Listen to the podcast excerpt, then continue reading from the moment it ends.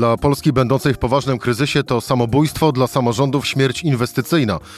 To Mieczysław Struk, marszałek Pomorza. Z pewnością uniemożliwiłoby to realizację wielu istotnych inwestycji samorządów, ale także przedsiębiorców. To z kolei Krzysztof Żuk, prezydent Lublina. Blokada funduszy Unii Europejskiej dla Polski w krótkim okresie to gwóźdź do trumny naszej wiarygodności ekonomicznej. Sławomir Dudek, główny ekonomista Fundacji FOR. Wzywamy premiera do przedstawienia na posiedzeniu Sejmu informacji na temat stanu uzgodnień w kwestii przyznania Polsce funduszy europejskich i wypłaty tych świadczeń. Jan Grabiec, rzecznik Platformy Obywatelskiej. I właśnie o reakcjach po naszym tekście dotyczącym wstrzymania wypłat funduszy europejskich dla Polski w rozmowie z Michałem Szułdrzyńskim. Rzecz w tym, że taki był dzień. Cezary Szymanek, zapraszam na codzienny podcast Rzeczpospolitej. 18 dzień października, wtorek, Michał Szulżyński, zastępca redaktora naczelnego Rzeczpospolitej. Jedna, druga duetu polityczne Michałki. Michałku, dzień dobry. E, dzień dobry, Cezarku. E, Michał, spodziewałeś się takich reakcji na nasz tekst w Rzeczpospolitej? Dla przypomnienia, to y, nasza korespondentka w Brukseli, Ania y, Słojewska, ujawniła y, na podstawie cytowanych wypowiedzi jednego z decydentów Unii Europejskiej, że płatności z budżetu Unii Europejskiej na lata 2021-2027 nie będą realizowane, dopóki Polska nie wypełni jednego z podstawowych warunków związanego z kartą praw podstawowych w kwestii systemu sądownictwa. E, I wczoraj w ciągu dnia, późnym popołudniem, Komisja Europejska potwierdziła e, ów e, fakt. O tym samym również pisał wczoraj dziennik Financial Times. Rząd oczywiście zawsze, ale właśnie, za chwilę. Takich reakcji można było oczekiwać? No myślę, że tak. Mamy tutaj cały zestaw powodów. Przypomnijmy e, nasz tekst, tekst naszej brukselskiej korespondentki Anny Słojewskiej, e, zawierał wypowiedź dyrektora generalnego do spraw polityki e, regionalnej pana Marka Lemet, który powiedział, że polskie władze same zadeklarowały, że nie wypełniły jednego podstawowego warunku umożliwiającego zwrot pieniędzy powiązanego z kartą praw, praw podstawowych. A zatem no, to nie jest y, sytuacja, w której y, można twierdzić, że myśmy sobie coś ubzdurali, czy Financial Times sobie coś ubzdurał. Albo, że znowu oto zła Bruksela chce za coś polskie. Al, albo, że, albo, że to, to jest działanie opozycji, bo takie też pojawiają się w, w mm, mediach, nie, w organach związanych z władzą mm, te twierdzenia to jest ewidentnie e, element sprawdzania się wzajemnie obu stron. To znaczy, ja wypowiedź e, dyrektora generalnego do spraw polityki regionalnej rozumiem jako ostrzeżenie, że e, polskie władze mówiące oficjalnie, no bo jeżeli Jarosław Kaczyński oficjalnie mówi dość tego, żadnych ustępstw, odmawiają realizacji umowy, na którą same przystały, bo przypomnijmy kamienie milowe.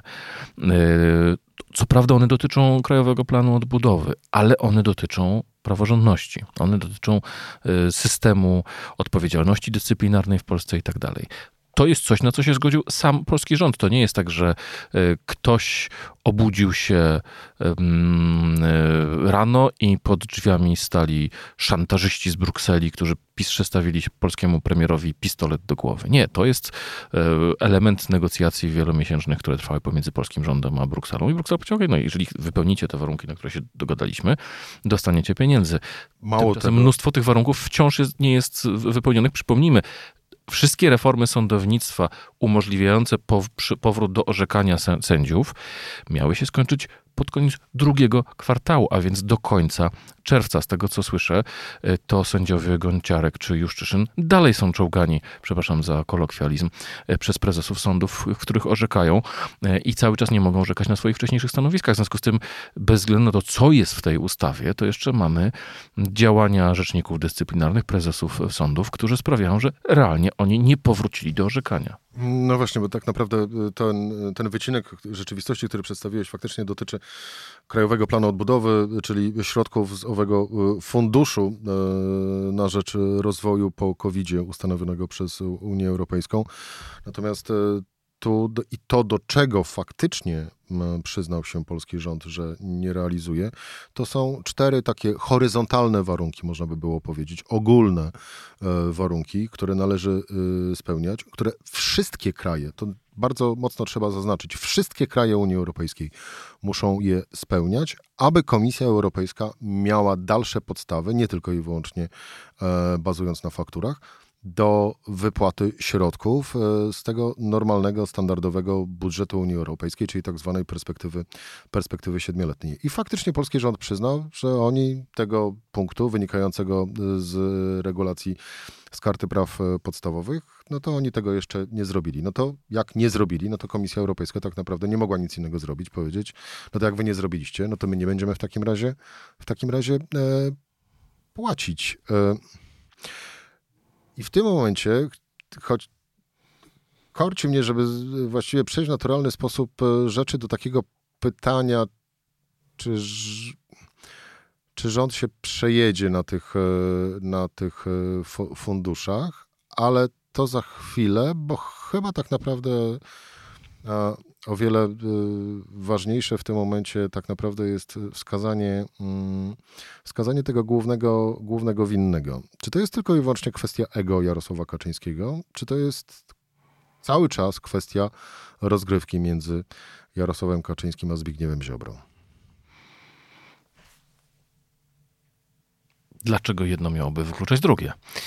E, to pierwsza odpowiedź. E, na szybko. E, odpowiedź z dłuższą refleksją sprawia, że nie ma w tej chwili takiego otwartego konfliktu pomiędzy Zbigniewem Ziobro a Mateuszem Morawieckim czy Jarosławem Kaczyńskim, jaki był wcześniej. Ja mam wrażenie, że w tej chwili Jarosław Kaczyński w pełni zgadza się ze stanowiskiem Zbigniewa Ziobry co do kwestii yy, praworządności. I dlatego też, wejdę ci w słowo, musiał odejść Konrad Szymański?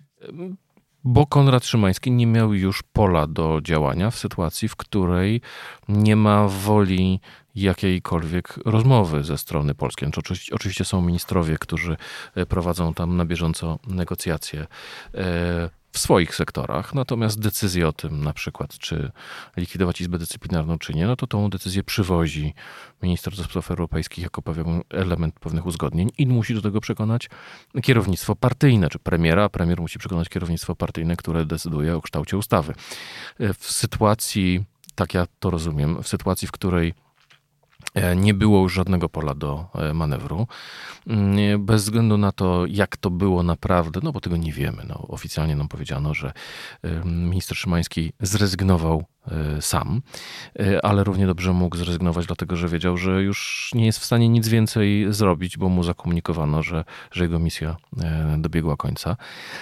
I, i, I tu jest jak gdyby zasadnicza kwestia. Natomiast problem polega na tym, że ten spór pomiędzy Jarosławem Kaczyńskim, czy spór, którego arbitrem był Jarosław Kaczyński, a z jednej strony był Zbigniew Ziobro, z drugiej Mateusz Morawiecki. Ten spór został rozstrzygnięty. No, wygrał Zbigniew Ziobro. Jarosław Kaczyński mówi dzisiaj językiem Zbigniewa Ziobry. Czyli to Jarosław Kaczyński tak naprawdę stoi teraz na pierwszej linii frontu walki z Komisją Europejską, z Unią Europejską? Myślę, że tak. Myślę, że on, natomiast równocześnie z powodów własnych, Zbigniew Ziobro i jego współpracownicy, no bo nie miejmy złudzeń, ci sędziowie, których wspominaliśmy, którzy nie wracają do pracy w swoich wydziałach, nie są e, tutaj mm, e, szykanowani, czy dyskryminowani, czy jakkolwiek to nazwiemy, czy utrudnia się im życie, e, dlatego że ktoś tam gdzieś postanowił zrobić im na złość, tylko to jest element systemu, który zbudował e, Zbigniew Ziobro, systemu dyscyplinarnego, systemu e, odpowiedzialności sędziów, również przed przewodniczącymi sędziów, czy przewodniczącymi wydziałów i prezesów sądów. E, którzy, pamiętamy, byli nominowani bezpośrednio przez ministra sprawiedliwości i mamy to jest jak gdyby konsekwencja tego. Także e, Zbigniew Ziobro nieustannie tutaj dolewał oliwy do ognia. Zresztą zwróćmy uwagę, jaka była odmienna reakcja różnych środowisk na nasz tekst. E, Piotr Miller, rzecznik rządu, mówił, nie dostaliśmy pisma o tym, że wstrzymano pieniądze dla Polski. No, ale myśmy nie napisali, że takie pismo poszło. Myśmy napisali, że szef właśnie dyrekcji generalnej powiedział to, co powiedział. E, więc to jest jak gdyby jedna rzecz, jedna reakcja. A z drugiej strony mieliśmy konferencję prasową Zbigniewa Ziobry, który zaatakował Donalda Tuska, Niemcy, e, Urszulę von der Leyen, Putina i wszystkich innych, że to jest atak na polską, niemiecki atak na e, polską suwerenność. I znów, no nie mam wrażenia, żeby, żeby to była kwestia ataku na polską suwerenność. Dzisiaj na konferencji prasowej mm, przewodniczący Platformy Obywatelskiej Donald Tusk powiedział coś, co wydaje mi się prawdziwe. To znaczy, to nie jest tak, że Bruksela blokuje środki dla Polski, tylko rząd blokuje środki dla Polski. I to rząd jest w stanie, znaczy rządzący, Prawo i Sprawiedliwość jest w stanie zrobić ruch, żeby te pieniądze do Polski płynęły, ale tego zrobić nie chce. Bo ego Jarosława Kaczyńskiego. Bo to nie jest kwestia ego, to jest kwestia kompletnie innego rozumienia świata. To znaczy, Unia Europejska jest klubem, w którym się umawiamy na pewne rzeczy, na wspólne zasady, twardo negocjujemy, w której zderzają się z jednej strony interesy wspólnotowe i interesy partykularne. Poszczególne państwa walczą o swoje i my też walczymy o swoje, Niemcy też walczą o swoje, Francuzi walczą o swoje, no to jest oczywiste. E, gdzieś w tym wszystkim jest Komisja Europejska, która najczęściej stoi po stronie słabszych, bo przypomnijmy, ona rozstrzyga sprawy, gdy któryś z państw na przykład nadużywa swoich, swojej władzy albo nadużywa swoich przewag. E, I tak wygląda Unia Europejska. Natomiast Jarosław Kaczyński patrzy na Unię Europejską jak na pole e, bitwy XIX-wiecznych imperiów. E, I to do siebie miały XIX-wieczne myślenie o polityce, że była w nich wojna i była w nich polityka, która była grą o sumie zerowej. Albo Francuzi zdobywali Alzację i Lotarengię, albo Niemcy zdobywali Alzację i Lotarengię. Jeden wygrał, to drugi musiał stracić. E, jeżeli tak Jarosław Kaczyński patrzy na kwestię Unii Europejskiej, to tak jak pisałem w komentarzu w poniedziałkowej Rzeczpospolitej, gdy Unia Europejska mówi praworządność, niezależność sądownictwa, Kaczyński mówi, Kaczyński słyszy reparacje, Trzecia Rzesza, Hitler, e, Scholz, Putin i wszystko mu się zlewa w jedno. Ja nie na darmo odwołuję się cały czas do mm, owego ego prezesa Prawa i Sprawiedliwości, y, no bo to należałoby wykonać krok do tyłu, aby y, zdjąć to ryzyko braku środków y, z funduszu, z funduszy europejskich y, dla Polski. Mm, no ale to chyba nie jest w naturze i w ogóle nie mieści się w spektrum możliwych podejść Jarosława, Jarosława Kaczy, Kaczyńskiego. Czy kwestia funduszy europejskich, o braku tych pieniędzy, to jest kolejny element do tej układanki drożyzna, kryzys energetyczny, który suma summarum, jako suma tych małych zdarzeń, doprowadzi do, mm, do efektu, efektu spodziewanego, a właściwie o którym marzy opozycja i wspomniany już przez ciebie Donald Tusk.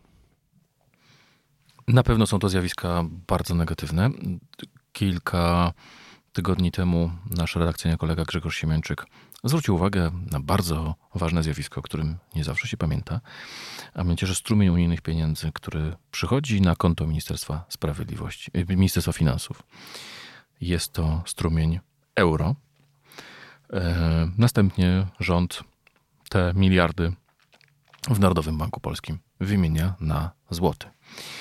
E, I w efekcie istnieje poważny instrument, zarówno dla Ministerstwa Finansów, ale przede wszystkim Narodowego Banku Polskiego, do stabilizowania naszej polskiej waluty, ze względu na to, że jest ten obrót tymi milionami czy miliardami euro. Gdy te pieniądze wysychają, albo gdy jest ich mniej, ten mechanizm jest słabszy. I to, co dzisiaj widzimy, czyli spadki wartości złotego, jest konsekwencją. E, z powodu uporu prezesa NBP-u i Jarosława Kaczyńskiego, jesteśmy coraz dalej wejścia do strefy euro niż do, do niej, coraz dalej od strefy euro niż, niż coraz bliżej. A to sprawia, że jeżeli inwestorzy, którzy patrzą na Europę z daleka, widzą informacje o kolejnych e, bombardowaniach Ukrainy. Wiedzą, że polska gospodarka jest owszem w niezłym jeszcze stanie, ale że waluta w dużej mierze zależy od czynników politycznych, chociażby od tego, czy upór pewnych polityków doprowadzi do tego, że będziemy mieli 100 miliardów euro, pół biliona złotych w tą albo w tamtą, no to są kolosalne sumy, które zmieniają e, przestrzeń biznesową, inwestycyjną, stabilność waluty itd. Tak itd. Tak e, I to są wszystko z, z, złe wiadomości. Tak, tylko że my to rozumiemy. Mm, i, ale do większości wyborców przede wszystkim trafia przekaz dotyczący szalejących cen i wysokiej, e, wysokiej inflacji. Trafia, no bo odczuwają to bardzo negatywnie każdego dnia. Brak funduszy też do nich trafi? Też do nich trafi, bo sprawi, że te, czyn, te wskaźniki ekonomiczne, które mogłyby być lepsze, nie będą lepsze albo e, będą gorsze niż, e, niż, niż się spodziewamy. Natomiast ja mam tutaj zasadniczą jedną wątpliwość dotyczącą pytania, czy skorzysta na tym e, opozycja. Nie pytałem, ale odpowiedz. ale pytałeś, czy to są te, te rzeczy, na które. Dlatego, że opozycja, mam wrażenie, że niektóre tematy przegrzewa. Właśnie się tak zastanawiałem wczoraj nad kwestią węgla. E, jeżeli, znaczy mamy absolutną anomalię pogodową dzisiaj, e, polegającą na tym, że przez trzeci tydzień października nie trzeba ogrzewać domów, ponieważ jest e, za oknem 20 stopni. To nie anomalia, a kryzys klimatyczny. Znaczy anomalia klimatyczna, jeśli chodzi o Polskę, tak, bo na ogół mieliśmy bardzo zimne październiki. To działa na korzyść rządzących, bo wciąż nie ma wystarczająco dużo węgla, ale jeżeli jest ten mechanizm, na który zgodził się na przykład nawet Rafał Trzaskowski, mówiący o tym, że miasta, że gminy wezmą udział w, w, rozprowadzaniu węgla, jeżeli tam będą limity cenowe i limity e, objętości do bodajże do dwóch ton na jedno gospodarstwo mm, rodzinne, e, to oznacza, że w listopadzie, w grudniu węgla nie zabraknie. Może nie zabraknie, miejmy nadzieję. E, jeżeli zima będzie lepsza, lżejsza, to może się okazać, że przyjdą kolejne transporty, samorządy pomogą i tak dalej. Natomiast opozycja, mam wrażenie, już jakiś czas temu założyła, że będziemy marzli w zimę i że węgla zabraknie. Ja nie, ja nie wiem, czy tak będzie, czy tak, czy tak nie będzie, tylko to jest postawienie losu na loterii. E, w tej chwili czynniki niezależne od nikogo sprzyjają e, rządzącym, ze względu chociażby na kryzys klimatyczny, który wspomnieliśmy. I tak samo mam wrażenie jest z tymi kwestiami e, dotyczącymi kryzysu. To znaczy, rządzący ponoszą pełną odpowiedzialność za to, co się dzieje. No nie ponoszą odpowiedzialności za wojnę, bo prowadzi ją Putin, ale za pozostałe rzeczy już tak. I teraz to będzie gra wiarygodności opozycja zyska, jeżeli wiarygodnie pokaże Polakom, wypunktuje błędy rządzących, pokaże, co nie działa, pokaże, gdzie zawalili i tak dalej, i tak. Natomiast gdy będzie obstawiać kryzys, to jeżeli kryzys będzie poważny, to może zyskać, ale nie musi. A jeżeli kryzysu nie będzie, to zyskają na tym rządzący. I stąd mam wrażenie, jest ten Kilka tygodni temu obserwowałem w szeregach PiS zupełną panikę i dezintegrację. W tej chwili widzę nadzieję, że a nuż uda się przetrwać zimę, a wtedy powiemy, że wszyscy, którzy nas atakowali, byli niewiarygodni. I nawet jeżeli to szczęście sprawi, że rządzący przejdą przez tą zimę suchą stopą, co jak mówię, wciąż jest równie dobrze prawdopodobne, że, że im się, że się po prostu poślizną na tym. Ale mam wrażenie, że e, ślepy los to jest zbyt słaba waluta, na to, żeby, żeby była jedyną szansą opozycji na, e, na wygrane wybory w przyszłym roku. Afera taśmowa będzie szansą opozycji w tym, w tym znaczeniu? E, I tak i nie. To znaczy bez wątpienia to, co się w tej chwili dzieje nowego. E, Dla przypomnienia tygodnik Newsweek w poniedziałek, tak jak my ujawniliśmy informację dotyczącą funduszy europejskich, a właściwie ich braku dla Polski, tak Newsweek z kolei opisał, że tak naprawdę afera y, taśmowa równa się Rosjanie. I Donald Tusk dzisiaj wystąpił z propozycją powołania komisji śledczej. Co ciekawe, Donald Tusk nie postawił tezę, że to Rosjanie dali PiSowi władzę. Donald Tusk powiedział, że pojawiają się wątpliwości, czy działania rosyjskie nie, ma, nie miały wpływu na to, że Platforma straciła władzę, a PiS ją przejął. E, co jest znacznie słabszą tezą, ale wygodniejszą, znaczy moim zdaniem bezpieczniejszą dla, dla Platformy. E, dlatego, że wczoraj była już w pierwszych komentarzach politycy Platformy mówili, a to PiS wygrał dzięki e, Rosjanom. No, pamiętamy 2000, 2015 rok, pamiętamy kampanię wyborczą Bronisława Komorowskiego. To była zła kampania. PiS miał ten ciąg wtedy.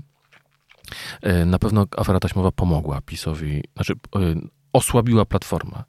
I pomogła PiSowi. E, I w, ten, i, w ten, I w ten sposób pomogła PiSowi, że osłabiła e, Platformę i jej, jej wiarygodność. E, natomiast bardzo była ciekawa dzisiaj wymiana zdań pomiędzy redaktor Dominiką Długosz z Newsweeka a Donaldem Tuskiem, ponieważ ona go zapytała, czy on uważa, czy on ma czyste sumienie, jeśli chodzi o wszystko, co Platforma zrobiła w celu wyjaśnienia tej sprawy. Przypomnijmy, Platforma po ujawnieniu afery taśmowej rządziła jeszcze półtora roku. Miała wszystkie narzędzia, e, służby i tak dalej. No, tu Donald Tusk się dzisiaj złaniał, że no, prokuratury nie miała, bo był wówczas Andrzej Seremet, który był tego, niezależny. Prawo i Sprawiedliwość wtedy domagało się powołania komisji śledczej. Tak jest, tak jest. I Donald Tusk po raz pierwszy dzisiaj, y, jak, jak go słucham w miarę uważnie, po raz pierwszy dzisiaj powiedział, tak, y, myśmy nie zrobili wystarczająco dużo. I oczywiście odbił piłeczkę mówiąc, no to w związku z tym zróbmy to dzisiaj. I wyjaśnijmy tę całą sprawę do końca, żeby wyjaśnić cały ten wątek e, rosyjski, czy po prostu nie było tak, że e, PiS skorzystał na operacji, e, w której jest rosyjski ślad. I, i, i w tym sensie Donald Tusk z jednej strony proponuje komisję śledczą, ale z drugiej strony wypowiada się bardzo ostrożnie, wiedząc, że to jest broń obosieczna, tak? Wiedząc, że no właśnie, Platforma też rządziła i mogła, była to wtedy lepiej, lepiej znaleźć, szczególnie, że tak jak to dzisiaj przedstawiał Donald Tusk, e, przypomnę słuchaczom, którzy go nie słuchali, e, wiosną 2014 roku po rozmowie ze środowiskami górniczymi, które alarmowały, e, że jest niekontrolowany wpływ, niekontrolowany wpływ rosyjskiego węgla na polski rynek. Donald Tusk zlecił kontrolę przede wszystkim w składach węgla, których głównym udziałowcem był e, pan Marek Walenta. Ta kontrola doprowadziła do, mm, no de facto do utrudnienia w, w, konsekwencji importu węgla i Donald Tusk powiedział, zemstą Marka Falenty było to, że on e, ujawnił taśmy.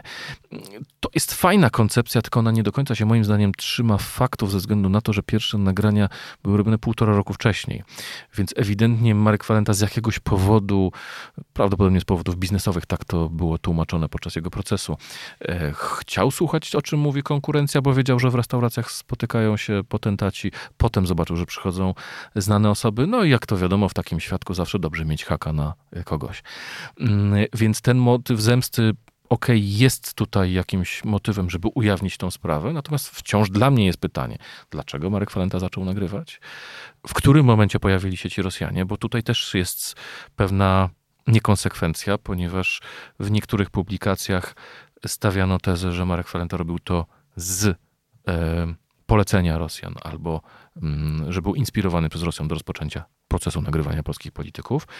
E, wczorajszy artykuł w Newsweeku jest znacznie ostrożniejszy. Tam jest mowa o tym, że gotowe już taśmy Marek Falenta chwalił się swojemu współpracownikowi, że sprzedał je Rosjanom. To jednak jest coś innego, jeżeli ktoś nagrywa i sprzedaje Rosjanom nie robi tego w dobrej, w dobrej woli, e, ale to jest coś innego, jeżeli robi to sam i potem sprzedaje, niż jeżeli został przez rosyjskie służby zainspirowany. Ale tutaj pełna zgoda, to trzeba wszystko wyjaśnić. E, I ja mam wrażenie, że to trzeba wyjaśnić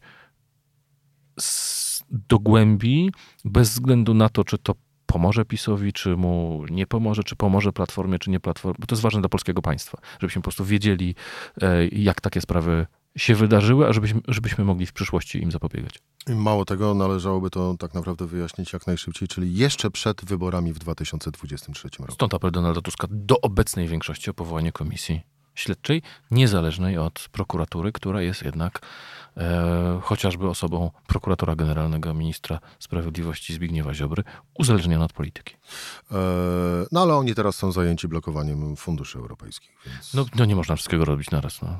Michał Szulżyński, zastępca redaktora naczelnego Rzeczpospolitej. Michał, dziękuję bardzo. rozmowę. To była Rzecz w tym we wtorek. Cezary Szymanek. Do usłyszenia jutro o tej samej porze. Serdeczności.